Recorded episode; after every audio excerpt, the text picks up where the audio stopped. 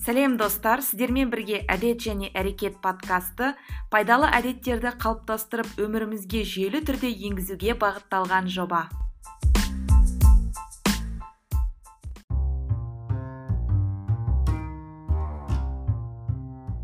Сәлем әлем. Сіздермен бірге әдет және әрекет подкасты менің есімім жанар. Бүгінгі подкасттың екінші эпизодында біз пауэр пирамидасы жайлы сөйлесетін боламыз.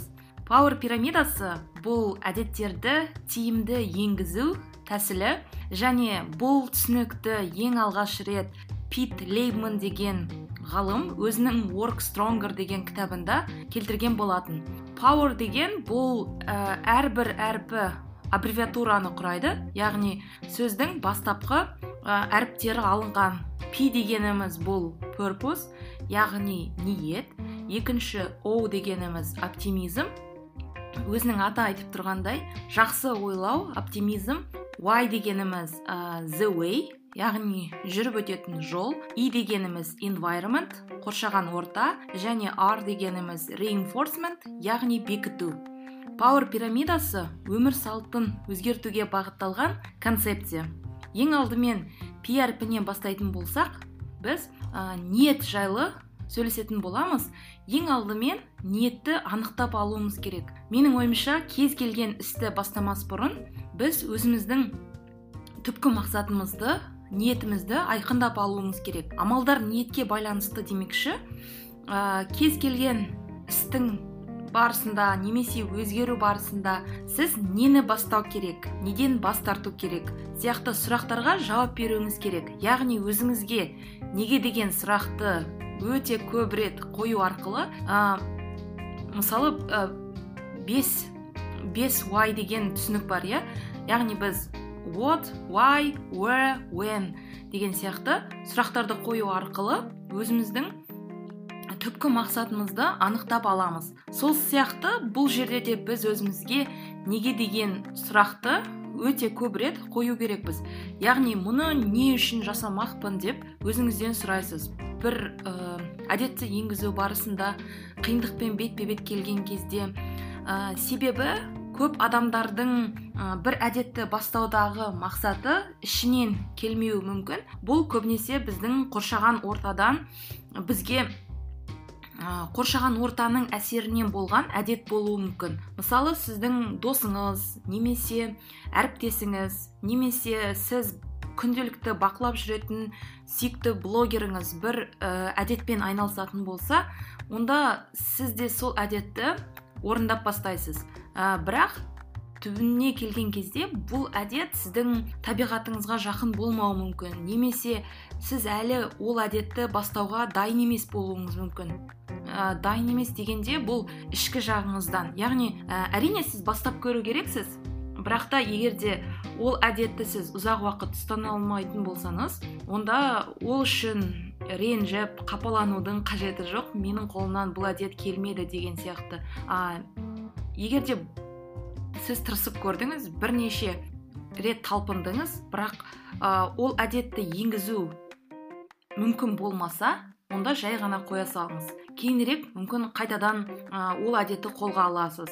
Мысалы ә, бір сөз бар да оқушы дайын болған кезде ғана ұстазы келеді дейді да ұстазы кездеседі дейді. Сол сияқты мүмкін ә, сіз дайын болған кезде ғана ол әдет сізге өзімен өзі келуі мүмкін. Және ол әдетті сіз ә, ешқандай қиындықсыз енгізіп өміріңізге қолдануыңыз әбден мүмкін. Сондықтан ә, мысалы сіз қиындықпен бетпе бет келгенде өзіңізден мұны не үшін жасамақпын? деген сияқты сұрақ қою керексіз. Себеп болған жағдайда кез келген нәрсе кез келген жұмыс ол орындалады ол жөнделеді. Мақсатты айқындауда және өміріңізді жақсы жаққа өзгеруге төрт түрлі ұстаным көмектеседі. Бірінші ұстаным ол тиімді әдеттер жабығудың алдын алады және оны азайтады. Мұны қалай түсінсек болады? Мысалы ә, егер де сізге бір адам ә, критика дейміз ғой яғни сыни көзқарас айтатын болса ол сізді бірден өзгеріс жасауға итермелеуі мүмкін. Яғни ол сіз ә, сіздің намысыңызға шамыңызға тиіп сіз бірден әрекет жасауға кірісесіз. Мұны біз маңызды нүктелер деп айтсақ болады. Мысалы сіздің балаңыз ә, сізге балам сен балаңыз өзіне сізге ұқсайтынын айтқысы айтуы мүмкін иә? Ә, бірақ та ол сіздің бір кәсіп жағынан ұқсау емес ол сырт бейнеңізге қарап ұқсағысы келетінін білдіруі мүмкін. Мысалы әкем мен сен сияқты дәу және семіз болғым келеді деп айтатын болса ә, онда кішкене ойлану керексіз иә? Өйткені артық салмақ ол ә, қазір сізге қолайлы болуы мүмкін немесе еш сізге ешқандай қиындық тудырмауы мүмкін. Бірақ уақыт өте келе ә, біздің ағзамызда өзгерістер болады және ә, жасымыз үлкейе келе ол нәрселерді біз ә, қазір жас күйімізде байқамауымыз мүмкін. Бірақ уақыт өте келе ол біраз ә, қиындық бізге келтіруі мүмкін иә. Немесе бір аурумен ауыратын болсақ онда ә, бірден ол аурумен күресе алмауымыз мүмкін. Мысалы ағзамызда қант мөлшері көбейіп кетсе немесе ағзамыздағы майдың мөлшері өте көп деңгейде болса онда ол болашақта белгілі бір қиындықтарға әкелуі мүмкін. Сондықтан кейін өкініш болғанын қаламасаңыз бүгін сізді бір пайызға жақсартуға алып келетін қадамдар жасауыңыз керек. Мақсат арықтау емес мақсат өте мол күш қуатты адам бейнесінде болу. Сондай жайдары күш қуатыңыз мол сіз сіз әрбір кез келген нәрсені орындай алатындай сондай өте күш қуатты адам болу керексіз. Сонымен ары қарай жалғастырамыз. Және ә, екінші ұстаным ол тиімді әдеттер өзіңді жақсырақ сезініп көп жетістіктерге жеткізеді. Яғни көптеген зерттеулер негізінен төрт сферада тамақтану спорт концентрация және қалыпқа қайта келу яғни бұл recovering восстановление. Осы төрт сферада тиімді әдеттер болса онда олар адамды қуаттандырып қысқа және ұзақ мерзімде оның өнімділігін арттырады. Келесі ұстаным ол тиімді әдеттер ұзақ мерзімді дамуға қамтамасыз етеді. Ә, бұны қалай түсінсек болады? Ә, мысалға жаңа мен айтып кеткендей ә, егер де сіз максималды түрде күш қуатыңыз энергияңыз мол болса онда ә, сіз болашақта да қазір қазір мысалы өзіңізді жақсы сезінесіз бірақ ол ұзақ мерзімге жұмыс істейді. Яғни сіз болашақта да осы бетіңізден таймасаңыз өте көп нәрсені жасай аласыз. Және өзіңізге ең алдымен қамқорлық жасау арқылы өзіңізді күту арқылы және денсаулығыңызға басқа да нәрселерге көңіл бөлу арқылы сіз басқаларға да көбірек бере аласыз. Мысалы ә, негізі мынандай түсінік бар да адамдарда ұм, бір жерден оқыған едім. Адам ә, беретін адам болады дейді да және алатын адам болады дейді. Беретін адам ол береді бірақ бергенімен басқаға көмектеседі бірақ өзінде де азайып қалмайды. Яғни өзінде азайып қалудан қорықпайды. Ондай адамдарды психологияда донор деп айтады екен яғни ол адамдар біреуге бергіш та жаңағыдай бір нәрсені көмектескісі келіп тұрады. Сосын ә, екінші бір бар екен ол ә, негізі үш түрге бөлінеді. Донор ә, нейтрал және вампир дейді екен. Вампир деген ол яғни басқа адамның энергиясын алғысы келіп тұратын адам. Ә, бір, бір жағынан алғанда бұл ә, күлкілі және шындыққа сай келмеуі мүмкін бірақ арамызда ондай адамдар да болуы мүмкін да. Ә, олар көбінесе беру емес алуды ойлайтын адамдар. Сондықтан егер де сіз басқаларға мысалы ата анаңызға балаларыңызға айналаңыздағы қоршаған адамдарға ә, көбірек көңіл бөліп көбірек оларға көмектескіңіз келсе немесе оларды бір нәрсеге талпындырғыңыз келсе онда сіз ең алдымен өзіңізді реттеп алу керексіз өзіңізге қамқорлық жасау керексіз. Және төртінші ұстаным ол тиімді әдеттер сізді керемет жетекші және жақсы үлгі етеді. Ә, бұл неге байланысты? Бұл мысалы егерде ә, сіз ә, сіздің отбасыңыз болса немесе сіз белгілі бір адамдарды басқаратын болсаңыз қол астыңызда адамдар болса және сіз жетекші қызметін атқарсаңыз ә, сізге қарап ол адамдар да өзгеретін болады. Мысалы егер сіз үйіңізде бала шағаңыз бар сіз күнделікті кітаппен сізді көретін болса мысалы сіз кітап оқып отырсаңыз немесе ұйқыдан тұра салып жаттығу жасасаңыз онда ол ә, балалар ә, сканер сияқты иә сіздің жасаған әрекетіңізге қарап ол, ол оларға сіз үлгі боласыз. Яғни бала өзінің көргенін істейді ол айтқанды онша қабылдамауы мүмкін бірақ күнделікті әке шешесінің не істеп жүргенін көрсе ол да сол әрекетті қайталауға тырысады. Сол сияқты егер де сіз жетекші болсаңыз мысалы сіз жұмысқа ә, ертерек келіп жүрсеңіз ә, жұмыста сондай бәріне жайдары ә, әркімді тыңдап көңіл бөліп иә комплимент айтып дейді ғой. Сондай әртүрлі бір жақсы жақсы қасиеттерді көрсететін болсаңыз онда сіздің де қол астындағы адамдар сіз сияқты болғысы келіп өзінің бір әдеттерін өзгертуі мүмкін. Мысалы сіз түскі уақытта серуенге шығып тұрсаңыз ол да бір үлгі ретінде қарастырылуы мүмкін. Сонымен ә, ниетті бітірдік. Енді келесі о оптимизм. Адам әлемге деген қарым қатынасын өзгерту арқылы ғана өзгере алады деген түсінік бар. Бұл туралы ә, құрани кәрімде де айтылған. Яғни адам өзін өзгерту арқылы ғана айналасындағы заттар өзгереді. Яғни басқа бір белгілі бір ә, нәтижелер орын алуы мүмкін. Тек өзін өзгерту арқылы. Өмірге деген позитивті көзқарас қалыптастырудың үш стратегиясы бар. Яғни кез келген бастамада бұл стратегиялар сіздің жетістікке деген мүмкіндігіңізді арттырады. Сонымен бірінші стратегия ол икемді сана ұстанымын қолдану ә, стэнфорд профессоры кэрол ду дуик деген кісі өзінің граус майндсет деген ұғымды енгізген болатын. Және оның осындай ә, икемді сана деген кітабы да бар. Бұл жерде кэрол дуик екі түрлі сананы қалыптастырады. Ол икемді сана ә, және тиянақталған сана яғни фиксированное мышление дейді ә, бұл жерде екі сананың да қасиеттерін береді. Яғни икемді сана дегеніміз ол кез келген нәрсені мүмкін деп санайтын адамдар. Яғни оларда белгілі бір шектеу болмайды. Әрқашан бір өсуге бағытталған қарыштап өсуге бағытталғандар. Ал ә, тиянақталған сана яғни фиксированное мышление олар көбінесе қиындықпен бетпе бет келген кезде олардың ойынша ә, оларда бұл істі орындауға белгілі бір қабілеттер жетіспейді. Немесе ол қолынан келмейді деген сияқты өзіне бір ә, установка дейді ғой. Сондай ұм, установкалар қойып алған адамдар.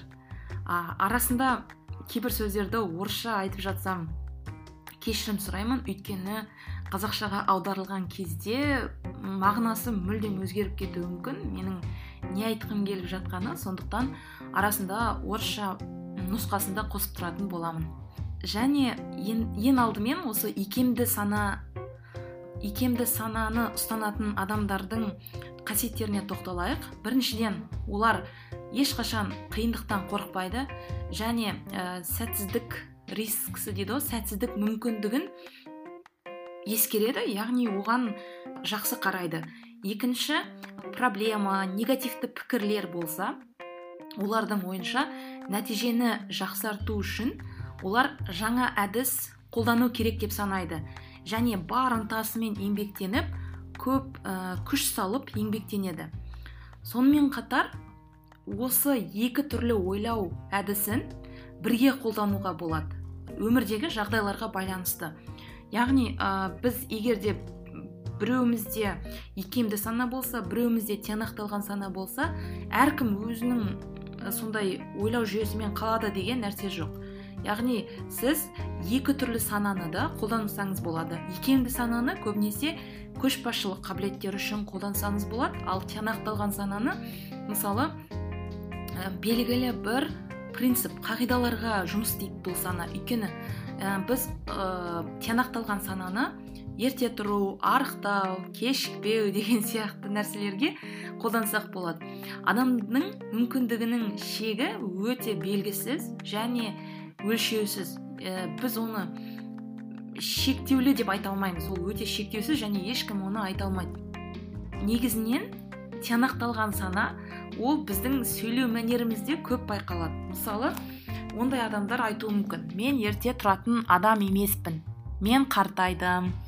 Ә, бұл көбінесе менің әке шешемнің аузынан естілетін сөз. Өйткені олардың ойынша ә, қазіргі неше түрлі жаңа м, техникаларды меңгеру олар үшін өте қиын. Және көбінесе олардың айтатын сылтауы ә, менің жасым келді мен мұны түсінбеймін деген сияқты. Бірақ оларды кішкене ойын өзгертуге тырысып тырысасың.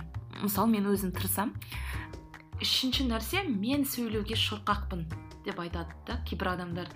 Ә, одан кейін менде ерік жігер күші жоқ деуі мүмкін.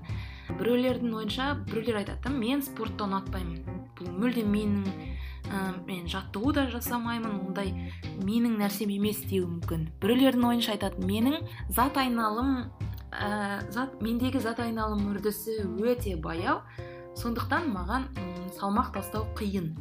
Немесе мен тәттісіз өмір сүре алмаймын және сол себепті мен тәттіден ешқашан бас тартпаймын дегендей. Бұлардың барлығы өзіңізге қойып алған құлақша бұл жерде құлақша деген ерлік деген мағынаны айтып тұрмын. Яғни сіз өзіңізге ерлік қойып алғансыз осындай болды осындай және бұл өзгермейді деген сияқты. Не ойланатыныңызды не ойлайтыныңызды және өзіңізге не айтатыныңызға абай мұқият болыңыз. Өйткені бұл жерде ә, аффирмация туралы айтатын болсақ негізінен аффирмацияның пайдасы бар. Көп жағдайда. Өйткені сіз белгілі бір аффирмацияны айту арқылы сіз соған сай әрекет ететін боласыз. Мысалы егер сіз күнде қайталап бір нәрсені айтатын болсаңыз мен мысалы осындай адам боламын деп. Мысалы мен бай адам боламын деген сияқты. Немесе мен мейірімді адаммын мен көркем мінезді адаммын ә, мен спортпен айналысатын адаммын. Менің менің энергиям өте мол. Немесе сондай ә, мен позитивті адаммын деп айтатын болсаңыз ол әрине сіздің күнделікті іс әрекетіңізге сіз жасайтын іс әрекеттерге әсер етеді.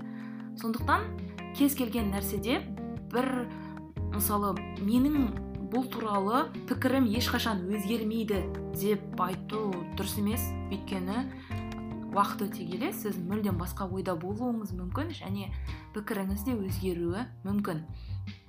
Менде ерік жігер күші жоқ деу арқылы сіз ә, жігерсіз адам ретінде әрекет етесіз. Мысалы түнгі 12-де үйіңізге қонақтар келді дейік. Қолдарында үлкен ұм, керемет ұм, шоколадты торт бар дейік иә. Бірақ сіз оларға жоқ дей алмай қалуыңыз мүмкін иә? Мысалы ұйықтау керексіз. Бірақ олар айтады да торт пен шай ішейік деген сияқты. Бұл жерде қалай? Мысалы сіз егер салмақ тастауды көздеп жүрсеңіз сіз жай ғана шай ішіп тортты жемей оны таңертеңге қалдырып таңертең жесеңіз ә, сіз өз қағидаңызға берік адам екеніңізді көрсетесіз. Яғни жігерлі екеніңізді. Және осы арқылы бұл сізге аз да болса сенімділік береді және өзіңізді мақтан тұтасыз. Ә, немесе мен спортты жақсы көрмеймін деу арқылы сіздің жаттыға бастауыңызда екі талай немесе мен ерте тұра алмаймын деу арқылы таңертең ерте тұрып күнді сергек бастау сіз үшін қиындауы мүмкін. А, енді қалай ғана біз сананың икемділігін арттыра аламыз? Ең алдымен біз қай сферада оның бекітілген екенін анықтап алуымыз керек. Ә, яғни біз өзіміздің өмірімізге анализ жасап мен қандай немесе достарыңыздан сұрасаңыз болады жақындарыңыздан олар ә, өтірік айтпайды деп ойлаймын немесе өзіңіз де оны анықтасаңыз болады. Ә, сонымен келесі принцип ол жақынға түсетін жарық әдісін қолдану. Тағы да орыс тіліне жүгінейін. Бұл жерде ә, көлікті айдағанда біз ближний свет қосамыз ғой сол туралы айтылып тұр. Көлікті тұманды ауа райында жүргізу жақынға түсетін жарық арқылы сіз аса қатты көре алмайсыз. Алдыңызда не бар екенін бірақ ә, тек солай ғана сіз мақсатыңызға жете аласыз. Яғни бұл жерде айтылып тұрған нәрсе біз бір масштабқа яғни үлкен өзіміз алдымызға үлкен масштаб қою арқылы біз өзіміздің өмірімізді өзіміз қиындатып алуымыз мүмкін. Сондықтан үлкен мақсатты кішкене қолдан келетін тапсырмаларға бөлу арқылы біз мақсатымызға оңай жетеміз. Үлкен мақсат ретінде ол қорқынышты болуы мүмкін бірақ егер де біз оны өте кішкентай бөліктерге бөліп ә, және орындай алатын әдеттерді соған сай ойластыратын болсақ онда ол мақсатымызға жетсек болады. Және келесі нәрсе ол сізге келетін үлгіні тауып алу керексіз. Бұл жерде мынандай нәрсе да егер ол адамның қолынан келсе менің де қолымнан келеді деген сияқты. Яғни сіз егер қалай жасау керек екенін білмесеңіз онда өзіңізге бір сылтау іздеудің қажеті жоқ. Керісінше сіз ойлану керексіз. Бұны мен істей алмайтындай маған не кедергі жасайды және бұны қалай жасасам болады деген сияқты. Бұл жерде сізге келетін үлгіге қатысты өз өмірімнен де бір мысалмен бөлісіп кетейін. Осыдан бір жыл бұрын мен астана марафонға дайындалған болатынмын. Және ең алдымен мен ол марафонға марафонға тіркелу алты жеті ай бұрын басталады. Және мен алдын ала тіркеліп қойдым. Алдын ала тіркеліп қойғаннан кейін сізде кері жүруге де ешқандай сылтау болмайды. Яғни сіз тіркеліп қойдыңыз мақсат қойдыңыз және соған сай дайындықты бастау керексіз. Ә, сөйтіп ә, дайындықты бастадым. Ә, және менің жоспарым бойынша мен басында күніне 10 километрдай жүгіру керек еді және бұл планды орындап жүрдім. Яғни аптасына менде елу жетпіс километр шығатын. Басында ол өте аз болды 30 километрдай болды. Өйткені мен басында 5-7 километр жүгіріп жүрдім. Бірақ күнделікті жүгіруге тырысатынмын. Сол кезде мен үшін үлгі болған адам ол ақмарал мейірман деген ә, шымкентте тұрады. Үш баланың анасы. Инстаграмда ақмарал ран деген аккаунтпен белгілі. Және бұл кісі өте көп жүгіреді.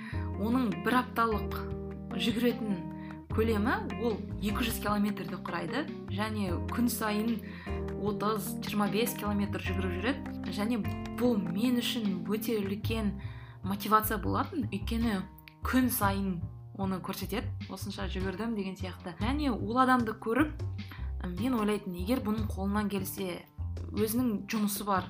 Жүгіру тек жүгірмейді. Өзінің офиста жұмысы бар және өзінің үш баласына қарайды былай қарап отырсаңыз өте көп сылтау бар иә? Мысалы осыны істемей қойға. Бірақ ол ә, жүгіру жоспарын міндетті түрде орындайды. Мысалы таңертең 10 километр жүгірсе 12 километр жүгіреді міндетті түрде. Кешке қарай 18-20 километр жүгіреді. Мен де бұл нәрсені орындап көрдім. Яғни ол мүмкін екен. Мен оны өзіме дәлелдей алдым. Бір күннің ішінде 30-20 километр жүгіруге болады. Егер де оның әрине бұл жерде ә, мысалы демалыс күндері ұзақ жүгіруге болады бір 20 километр деген сияқты.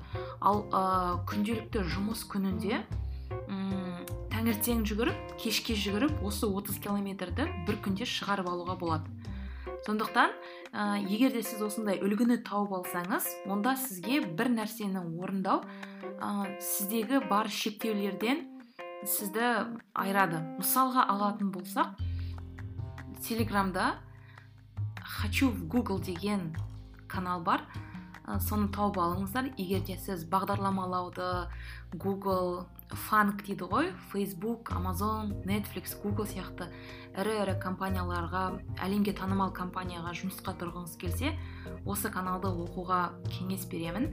Бұл каналды жүргізетін ержан торғаев қателеспесем өте керемет кеңестермен бөліседі және өзінің қандай әдістерді қолданғанын қандай ә, қалай бұл мақсатына жеткені яғни ол фейсбукқа жұмысқа тұрған сол туралы бөліседі. Бұл жерде айтқым келіп отырғаны егер де сіз мысалы осындай бір үлкен мақсатыңыз болса онда сіз мысалы сол адамды бақылау керексіз. Өзіңіздің үлгі үлгі тауып аласыз ең алдымен сосын ол адамды бақылайсыз. Ол қалай жасайды? Мысалы ол жүгіретін болса қандай тамақ жейді мысалы не істейді? Қандай жаттығу жасайды деген сияқты. Бағдарламалаумен айналысқыңыз келсе онда ә, ержан өзі жазады. Мысалы ә, осынша есеп шығардым деген сияқты да мысалы кешке қарай осынша осындай веб сайттарды қолданып осындай есеп шығардым осындай алгоритмдарды оқыдым деген сияқты.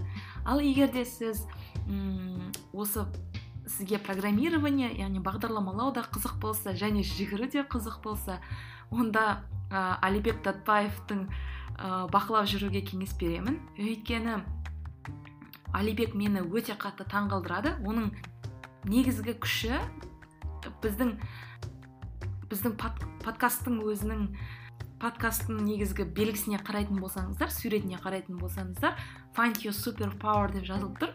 Ә, әлибектің супер пауэрсы ол ә, тұрақтылық яғни супер күш дейміз ғой. Ә, ол күн сайын жүгіреді.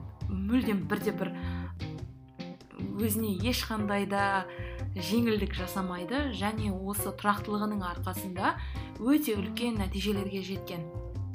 Күн сайын жүгіру арқылы ә, және бұл ә, мені өте қатты шабыттандырады. Өйткені адамның сондай ә, әдеттін қатты қалыптастырып алған және бұл өте үлкен нәтижелерге жеткізеді деп ойлаймын. Сондықтан егер де сізге жүгіру қызық болса бағдарламалау қызық болса онда әлібекті де қарай жүріңіз. Және оның да неше түрлі өте көп компанияларға дайындалған екен соларға тапсырған. Ә, сол туралы да өзінің бір мақаласы бар ау деймін негізінен гуглдан іздеп қарасаңыздар болады. Ә, осындай. Сондықтан егер де сізде үлгі болса және оны сіз бақылап жүрсеңіз өзіңіздің күшіңізге сеніміңіз артып егер ол адамның қолынан келсе менің де қолымнан келеді деген сенім болады